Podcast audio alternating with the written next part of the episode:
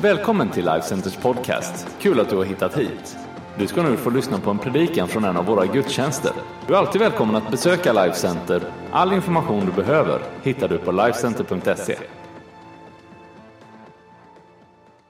fått ett ord till idag som jag, man brukar ju säga så som, som predikant och det är bra om en predikant har ett ord om man har något att, att förmedla. Annars vore det ju, man kan lösa det på annat sätt, man bara läser Bibeln. För då har vi ett bra ord.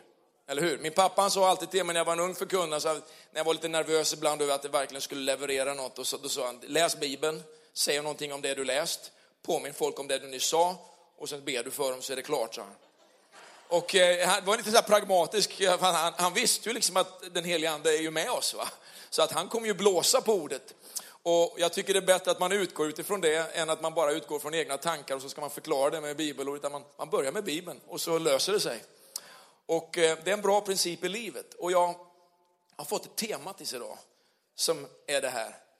Säg bara ett ord. Säg bara ett ord. Vi ska läsa ifrån Matteus evangeliums åttonde kapitel. Ehm, ifrån vers 5. Då Jesus var på väg in i Kapernaum kom en officer fram och bad honom. Herre, min tjänare ligger lam där hemma och har svåra plågor. Jesus frågade honom, ska jag då komma och bota honom? Officeren svarade, Herre, jag är inte värd att du går in under mitt tak, men säg bara ett ord så blir min tjänare frisk. Också jag är en man som står under andras befäl och jag har soldater under mig. Säger jag till en gå så går han och till en annan kom så kommer han och till min tjänare gör det här så gör han det här. Eller gör han det. När Jesus hörde det blev han förvånad och sa till dem som följde honom, amen säger jag er, i Israel har inte funnit, eh, inte hos någon funnit en så stark tro. Jag ser, många ska komma från öster och väster och ligga till bords med Abraham och Isak och Jakob i himmelriket, men rikets barn kan kastas ut i mörkret utanför, där ska man gråta och skära tänder. Till officeren sa Jesus, gå, som du tror ska det ske dig. Och i samma ögonblick blev hans tjänare frisk. Ska vi be tillsammans? Herre, jag ber att du ska bara lysa på det här ordet.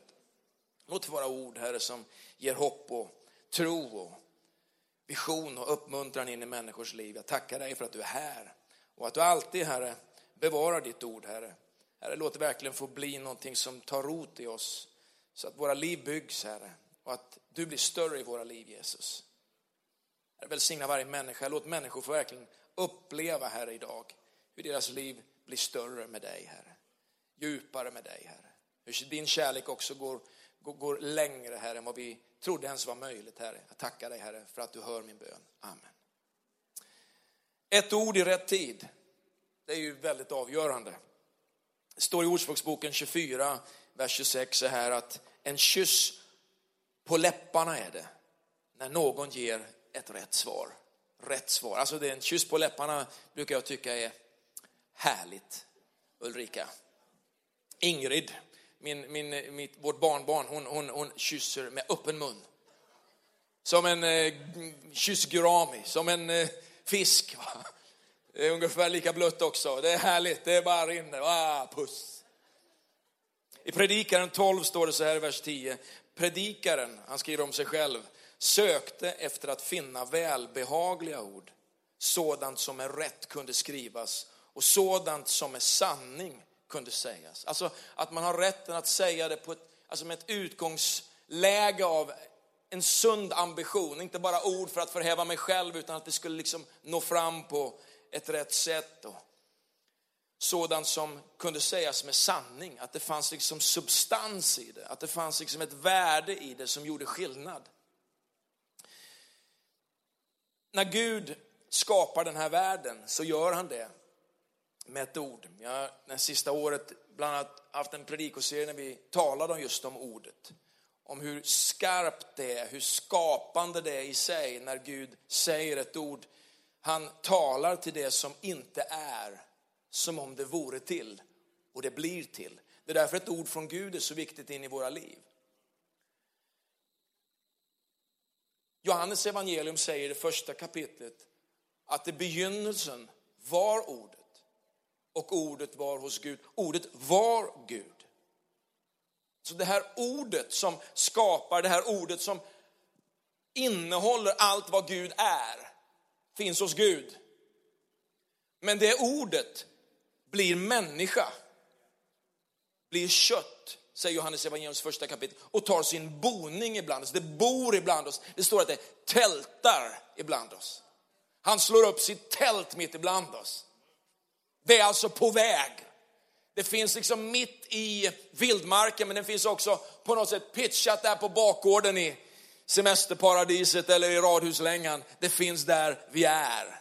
Han bor hos oss, han bor bland sitt folk och ordet Gud är inte bara där borta utan ordet kommer hit för att det vill göra skillnad. Det här ordet som talas ut ska göra verkan i våra liv. Det är inte bara att det finns massa fina ord om Gud någonstans borta, men allt som talas om Gud som ska göra skillnad i ditt och mitt liv måste ta sin boning ibland. Det måste bo där vi är. Det måste finnas när man är på boxningsklubben och ja, en, en boxare på första raden här, en ung härlig kille. Kevin. Och alltså, han är ett bra exempel. Det har alltid varit människor i vår kyrka som har fått bli bra illustrationer på plattformen. Va? Och det, de som sitter långt fram brukar liksom åka på det här. Det började med Nomi för 25 år sedan eller 20 år sedan och sen så har det blivit yngre människor än dig. Men eh, det är kul. Men kanske även en 29-åring skulle vilja vara med. Ska vi se. Alltså, det här ordet är så viktigt för oss. Därför att han skapar med sitt ord. Och jag vill inte själv bara leva min tid. Jag vill inte bara leva mitt liv utifrån liksom någon form av, av liksom, eh, det blir som det blir. Utan jag vill ju leva mitt liv med en övertygelse. Jag vill leva med en passion för någonting. Jag vill tro på någonting. Och jag vill fullfölja det. Och jag vill sträva efter det. Eh, jag vill gå efter det. Jag vill vara med och forma någonting viktigt med mitt liv. Jag väntar inte på slutet. Trots att jag liksom nu är då i 50-årsåldern då, då man lätt börjar tänka långsiktigt framåt igen på ett annat sätt än vad jag gjorde när jag var 30, för då tyckte jag att jag hade tid. Va? Så känner jag mig inte desperat, men jag känner att jag kan inte hålla på och tjafsa. Va? Utan nu ska jag ha 10 kanonår. Va? Och jag lovar att när jag är då 61 så kommer jag säga att nu ska jag ha mina 10 kanonår. Och sen när jag är 71 så kommer det vara 10 kanoner, eller hur? Ni som är på den kanten in i det där eh, paketet av livet. Alltså, vi lever med ett syfte så länge vi andas, så länge vi är här. Va? Och jag väntar inte liksom på slutet utan jag vill leva, jag vill leva full flame. Va? Eh, eh, så länge liksom det andas va, så kör vi. Och ehm, mer än någonting annat så vill jag leva trovärdigt. Man kan ju leva med gasen i botten, eh, pedal to the metal och, och, bara leva på. Jag har många som jag känner som gör det. Men, men det måste ju också finnas en trovärdighet i livet. Alltså man kan bränna ut sitt liv. Man kan ösa ut sitt liv relativt egoistiskt. Jag, mig, mina upplevelser. Man har bestigit varenda berg i världen, man har varit med på varenda extremsportövning ungefär. Va? Och man har sett varenda band. Men liksom vad har det blivit av? det man då har engagerat sig i. Är du med?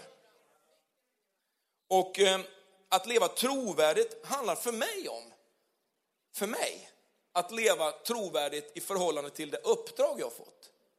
Jag är ju en pastor och jag är en ledare här och jag måste ju leva, tycker jag då, trovärdigt den kallelse jag har fått. Och Paulus talar mycket om det här i Bibeln, att, att få leva trovärdigt den här kallelsen, den här himmels, ja, himmelska synen. Gud gav liksom en bild och så levde man trofast, trovärdigt, uthålligt i att se det förverkligat i sitt liv.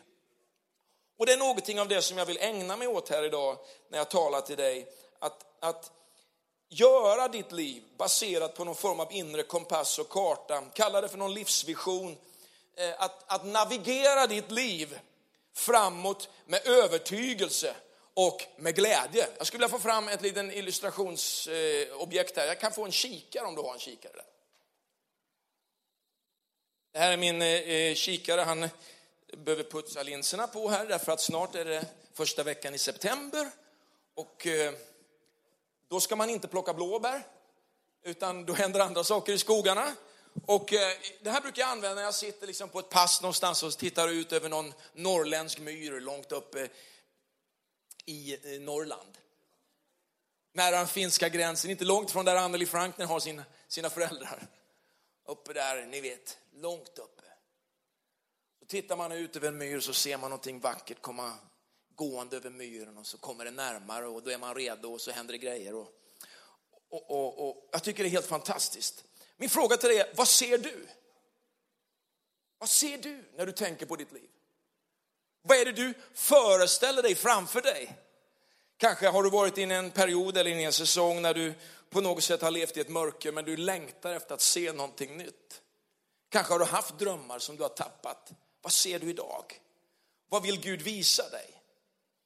Drömmar och visioner är centrala i ett kristet liv Eh, och, en, och för en kristens vandring, de är lika verkliga som om du står på jobbet och så ser du en organisationsplan framför dig eller liksom, eh, eh någon, någon, någon, form av målsättningsarbete som har punktats upp va? och så ska ni ta er dit va? och så plötsligt ser du att det där är möjligt va? om vi gör det här, det här, det här, det här. Va?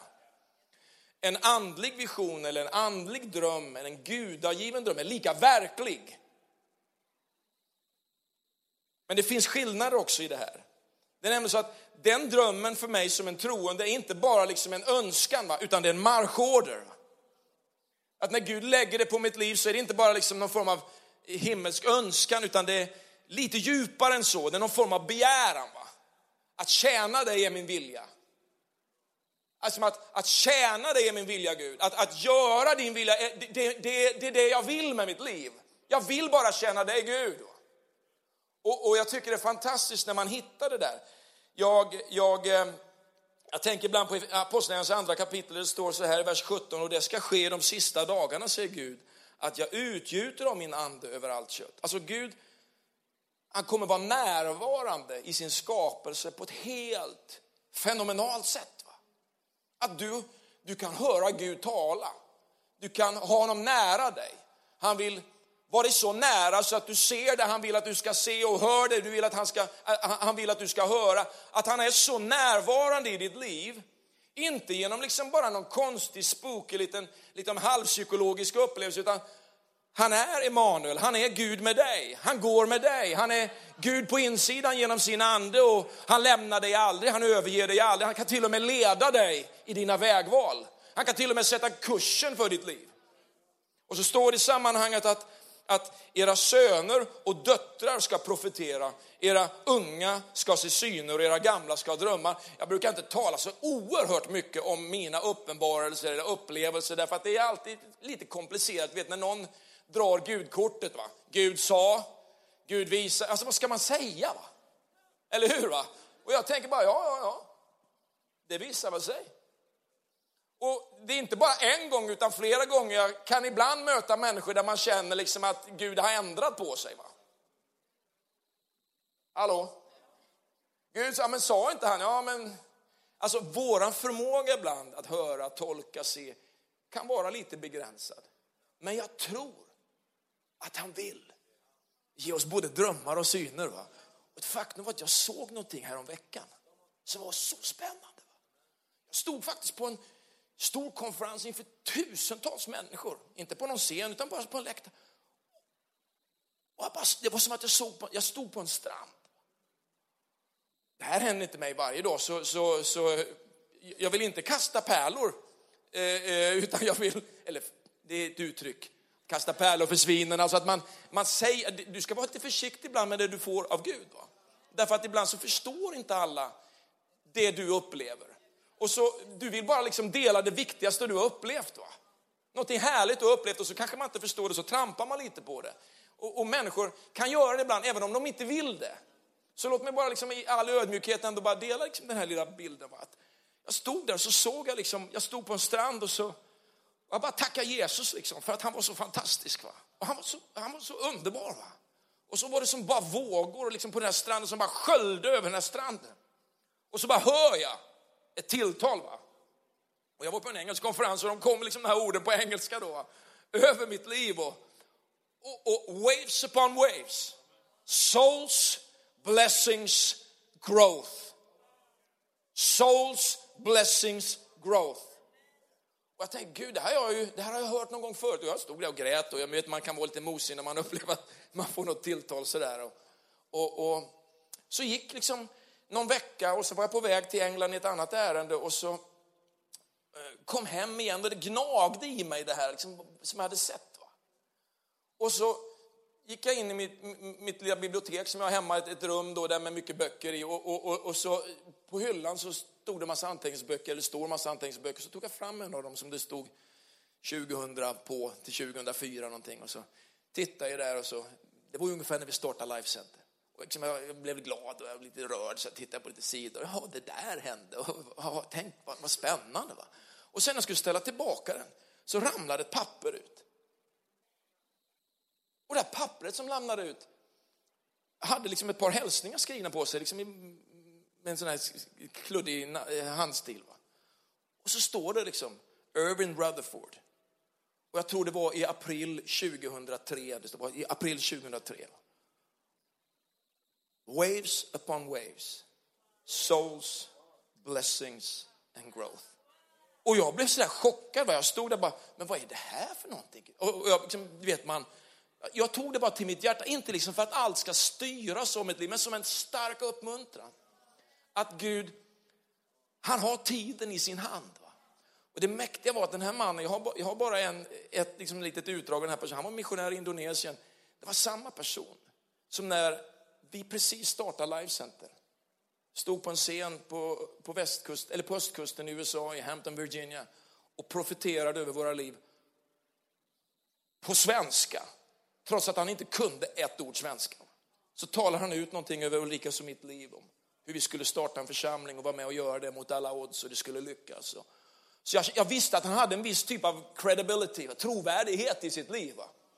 Det här med drömmar och syner och så tänkte jag i och för sig, jag skrattade sen lite efteråt för bibelsammanhanget säger ju att eh, gamla män ska ha drömmar och unga män ska se syner. Va? Och jag tänkte jag kanske är på den sidan fortfarande. Va? Förstår du min uppmuntran till dig? Gud håller ditt liv i sin hand. Han vill leda dig. Eh, och varför jag delar det här idag, därför att jag tror att, vet, om, jag, om jag skulle bara bryta ner det här med souls, liksom, vi är här för mig för att se liv förvandlade. Vi ska vara med om dopförrättningen idag. Vi ska inviga vår dopgrav här. Och, och, och, och, livet med Jesus är fantastiskt, men vi behöver dela det med alla människor runt omkring oss. Vi behöver, ha, behöver förstå också det här med välsignelse som Gud vill ge oss. Det är ett liv som återkoppla oss med Guds ursprungsplan. Guds ord talar om redemption, återlösning. Ja, men vad är det vi är återlösta till, återköpta till? Jo, det är ju till den det, det status vi hade i Gud innan syndafallet. Va? Och vad var det för status? Jo, det var ju att råda. va? Eller hur? Han sa, han sa till, till, till Adam och Eva, lägg jorden under er, råd. Va? Det finns liksom någonting i det här livet av välsignelse som Gud vill återföra oss till. Inte så att det blir liksom knepigt, liksom. men vi finns här för att våra liv ska göra skillnad. Va? Och Gud älskar dig. Va? Och han vill använda dig och han vill göra saker i och genom ditt liv. Vi tror ju också på det här med tillväxt, men det finns ju många olika plan. Det finns ju djup, att växa i kärlek, att, att växa i visdom, att växa i inflytande, i goda gärningar, att dela med oss. Men dröm det, se det och du kan vara med om det. Skillnaden mellan våra mänskliga drömmar, det är ju liksom mer, jag tror att Gud kan vara i våra mänskliga drömmar. Om du drömmer om en kåk eller om du drömmer om ett jobb eller en utbildning, Gud kan vara med i det. Men det som är skillnaden när man verkligen upplever att Gud talar till en, det är att det blir en order. va? Men du ska göra någonting med det här och jag vet inte hur, hur det här ska ske. Jag har på mitt kontorsbord nere på, här nere på undervåningen en, en burk med lite jord i. Alltså samma säsong när vi köper det här huset och startar Life Center så, så står jag på en åker inte långt här bortifrån och så, och så bara upplever Gud, stoppa jord i fickorna. Nu delar jag lite personliga grejer med er här. Och jag stoppade jord i mina fickor. Så bara, och så tänkte jag, en dag ska du bygga. Och jag bara, Gud. Och jag hade smutsiga brallor, vet du. Och, så, och så stod jag med jord och så, en dag ska du bygga. Och jag fick be en bön, Gud det här är mitt va. Den här stan tillhör mig, eller oss. Hans rike, inte mig, det, det tillhör dig Gud. Så kom jag hit till kontoret så stoppade jag ner det i en burk och så, sen försvann den. Jag tror han stått någonstans i, på kontoret här nere men, men plötsligt så dök den upp på mitt, mitt rum här nere. Och, och jag, och jag började liksom be den där bönen. Va? Så satt jag här i juni månad, det var veckan efter, före midsommar och eh, åkte från vår stuga i fjällen tillbaka hem och så sitter jag där i skogen där mittemellan mellan Sveg och Mora. Och så bara upplever jag hur Gud säger, bygg det och jag ska fylla det. Och jag grät, vet du. jag stannade på en parkeringsplats, körde fem meter till och så var det stanna igen och jag byggde bygg det och jag ska fylla det. Vad betyder det? Vad betyder det, Gud? Ja, att jag måste röra mig i en riktning. Om det sker om fem år, om tio år, om femton år, om tjugo år. När är det här för fullt? Man kanske inte ska börja med de drömmarna när du i mina mänskliga ögon förstår bara att nu är det dags. va? Utan när han tycker att det är dags. Vad vet du om vad som sker de kommande fem månaderna, fem åren, tio åren? Någonting kommer ske. Wave upon waves. Vad är det här? Ja, Michelangelo han hade ju artroso jobbar ända fram till han var 88 år med sitt skulpterande. Så säger han så här, jag såg en ängel i marmorn och fortsatte hugga tills han var fri. Så var jag tvungen att titta lite på det här med Michelangelo. Vet, han gör den här Davidstatyn. Va? En fantastisk, fem meter hög staty. Han är 26 år när han börjar. 26 år!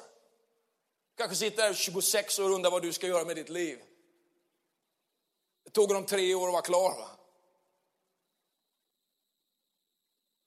Jag såg någonting och jag fortsatte tills ängeln var fri. Han sa också, Herre låt mig alltid längta efter mer än vad jag kommer att åstadkomma. Han sa, den största faran för de flesta är inte att sätta för höga mål och inte nå dem, utan att sikta för lågt och nå sitt mål. Den här officeren hade hört om och trodde att Jesus var mäktig nog att göra skillnad. Och för sina inre ögon så hade han sett sin tjänare frisk. Vet, det du ser är det du går efter. Och det är därför du och jag behöver leva efter en vision. Va? Vi behöver leva efter någonting som sitter där framme. Va? Därför att det som vi ser, det är det vi går efter. Och ser du ingenting så blir ju vad som helst. I trons nav och epicentrum finns en bild av den framtid Gud vill ge oss. Jag har mött så många galna drömmar genom året och många har åstadkommit fantastiska saker, Andreas.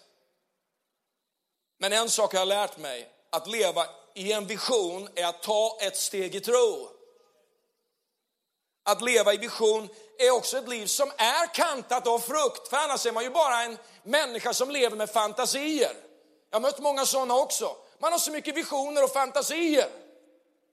Men det blir ingenting, utan Gud har en ny vision, men det blir aldrig någonting. Gud vill låta dig fullborda någonting, fullfölja någonting. Nivån på de offer som vi på något sätt ger för en dröm avgör storleken på liksom de människor som kommer till den drömmen. Vad är det CNNs grundare heter? Han eh, Turner. Det sägs att Ted Turner sa att, det sägs att han gick på bibelskolan när han var ung. Men det var ingen som kunde leverera en stor dröm nog att så in sitt liv i. Troligtvis en ganska kraftig förenkling. Men man påverkar världen när man startar liksom ett helt nyhetsmedium som har förändrat vår syn på vad media är. Låt oss inte drömma för litet. Krymp inte ihop ditt liv.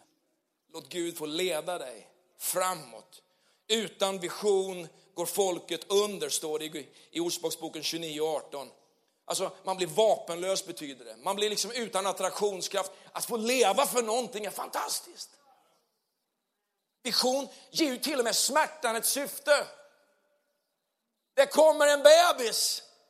Det finns en vision liksom om en bebis. Va? Och det är det som gör smärtan, liksom på något, det ger smärtan ett syfte. Vision formar vår karaktär. Vision är inte bara vad vi ser, men utan också hur vi ser på saker. Och det är därför liksom, vision är liksom som en lins va? som vi ser på livet genom. Men om ditt, ditt, ditt öga är skrapat, om ditt hjärtas öga liksom är skrapat, va? så ser du hela världen liksom genom den här skraplinsen. Va? Allt du möter liksom har en repa på sig. Va? Och det är därför Jesus talar om att våra ögon är hjärtats fönster. I Lukas 11 säger han, ditt öga är kroppens lampa. När ditt öga är friskt får hela din kropp ljus, men när det är sjukt är din kropp i mörker. Paulus han bad att, att våra hjärtans ögon skulle få ljus. Efesierbrevet 1.18 må han ge ett inre öga ljus. Alltså som vi uppfattar saker, vi uppfattar ju saker med våra ögon, men med våra hjärtan så ser vi någonting. Alla andra kan liksom, runt omkring dig stå och se liksom med sina ögon, ja men så här är det ju. Men du bara vet att det finns någonting annat. Tron är en övertygelse om det man hoppas, en visshet om det man inte ser. Vad ser du? Gud vill ge dig en fantastisk höst där du får se saker. Gud söker människor som drivs av något starkare än bara sitt eget självförverkligande. Alltså, som kan leva stora liv och inkludera andra människor i sina liv. Vet, officeren hade sett sin tjänare botad och inom sig hade han upplevt hur visionen för tro för ett genombrott. Och det var det som drev honom till Jesus. Säg bara ett ord. Kanske du har kommit hit idag och du har längtat, liksom, tänk Gud, liksom, du kunde bara ge mig ett ord. Det här är ett ord till dig idag. Det här är ett ord till dig idag. En uppmuntran till dig idag. Använd dina ögon, använd ditt hjärtas öga, se vad han har förberett för dig. En fråga också till dig, för andra, jag ska strax landa här. Vad hör du? Det du hör Jesus tala om är det som förändrar allt. Det är ungefär som inside information. Du vet innan alla andra vet det. I Jesaja 50 så står det talas om att han väcker var morgon mitt öra att höra på lärjungavis. Vet, ett ord kan förändra allting. Jag ska be teamet att ni kommer upp på scenen. Vad är det för ord som förändrar allt? Jo, hon sa ja. Jag går från att ta hand om mig själv till att ta hand om oss. Till att inte bara vara mig, utan vi. Hon sa ja. Du upplevde, köp det. Du kanske hörde ordet flytta. Kanske kallade Gud dig och sa, kom, ge allt för mig.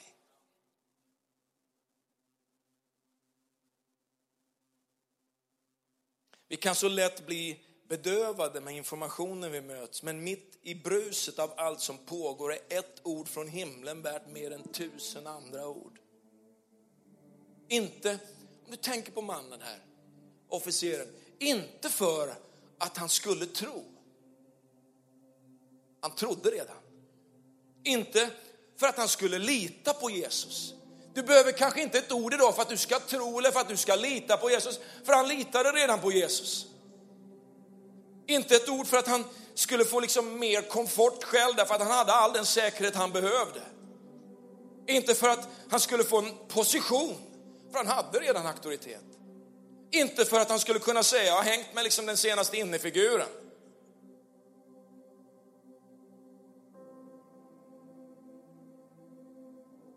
För han visste vad ödmjukhet var. Det säger texten. Jag är inte värd att du kommer in i mitt hus. Säg bara ett ord. Varför då? Jo, för att det omöjliga ska bli möjligt. För att vision inte bara ska vara en fantasi utan bli verklighet. För att förstå att du inte är tvingad att backa undan resten av ditt liv. För att du ska förstå att det ord som till och med skapade hela världen, Det är nära dig. Till och med i din mun står det i Guds ord. För att du är ämnad, säger Guds ord, att regera i liv genom den ende, Jesus Kristus. Ett ord och allt det frusna smälter. Ett ord och du går från död till liv, från hopplöshet till hopp, från utanför till innanför. Han vill ge dig ett ord. Amen. Ska vi göra så att vi ställer oss upp allesammans?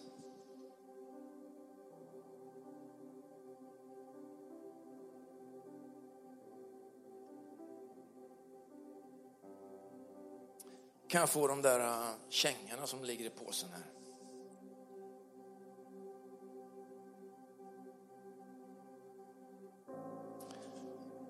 Det här är ett par gamla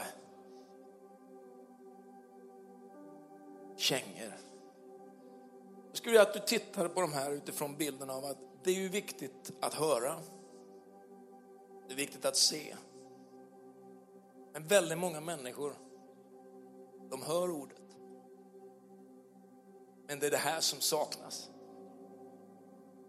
Att inte bara vara ordet hörare, utan också ordets görare. Tro är handling. Tro är att ta ett steg. Tro är att göra någonting med det man har fått. Vet, att leva med stora visioner om vad Gud kan göra, är inte bara ett tillstånd av drömmande, det är fyllt av ett liv i handlande.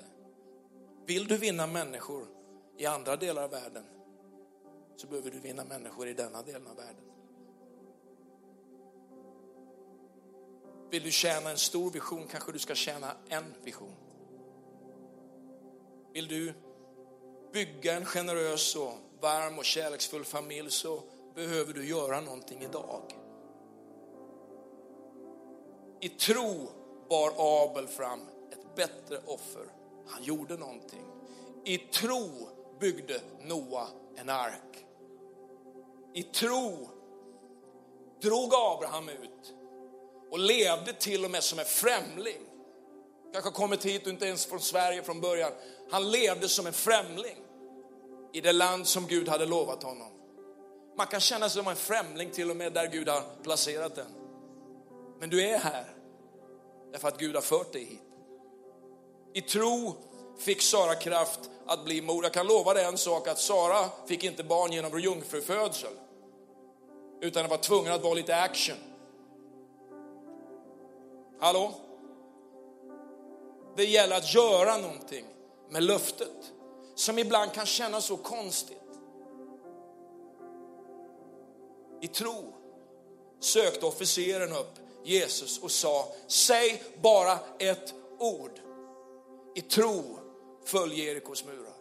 Jag vet inte vad du har i ditt liv idag, men Gud, han utmanar dig att ta ett steg idag.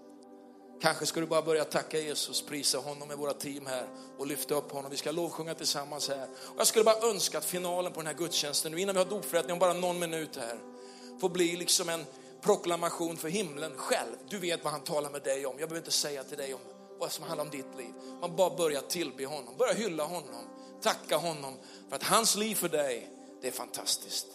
Du har tusen drömmar, men vad är hans dröm för dig idag? Vad är hans väg för dig idag? Ska vi bara göra så att vi lyfter upp namnet Jesus tillsammans. Får jag tacka dig för varje människa som finns i den här kyrkan idag. Herre, vi ber för den här terminen som ligger framför oss nu, den här hösten, den här säsongen i livet. Jag tackar dig för att du vill öppna dörrar, vill låta oss se saker för våra liv som är dina tankar, Herre. Jag tankar, tackar dig Gud, Herre, för att ditt ord säger att du vet vilka tankar du har för oss, Herre. Tankar som talar om framtid, tankar som har ett hopp, Herre. Du har ord till oss, Gud, Herre, som vill leda oss framåt i livet, Herre. Vi älskar dig, Gud. Ska vi göra så bara lyfter våra händer och så lovsjunger vi tillsammans och så bara lägger du ditt liv i Guds händer och låter honom få leda dig på ett mäktigt sätt.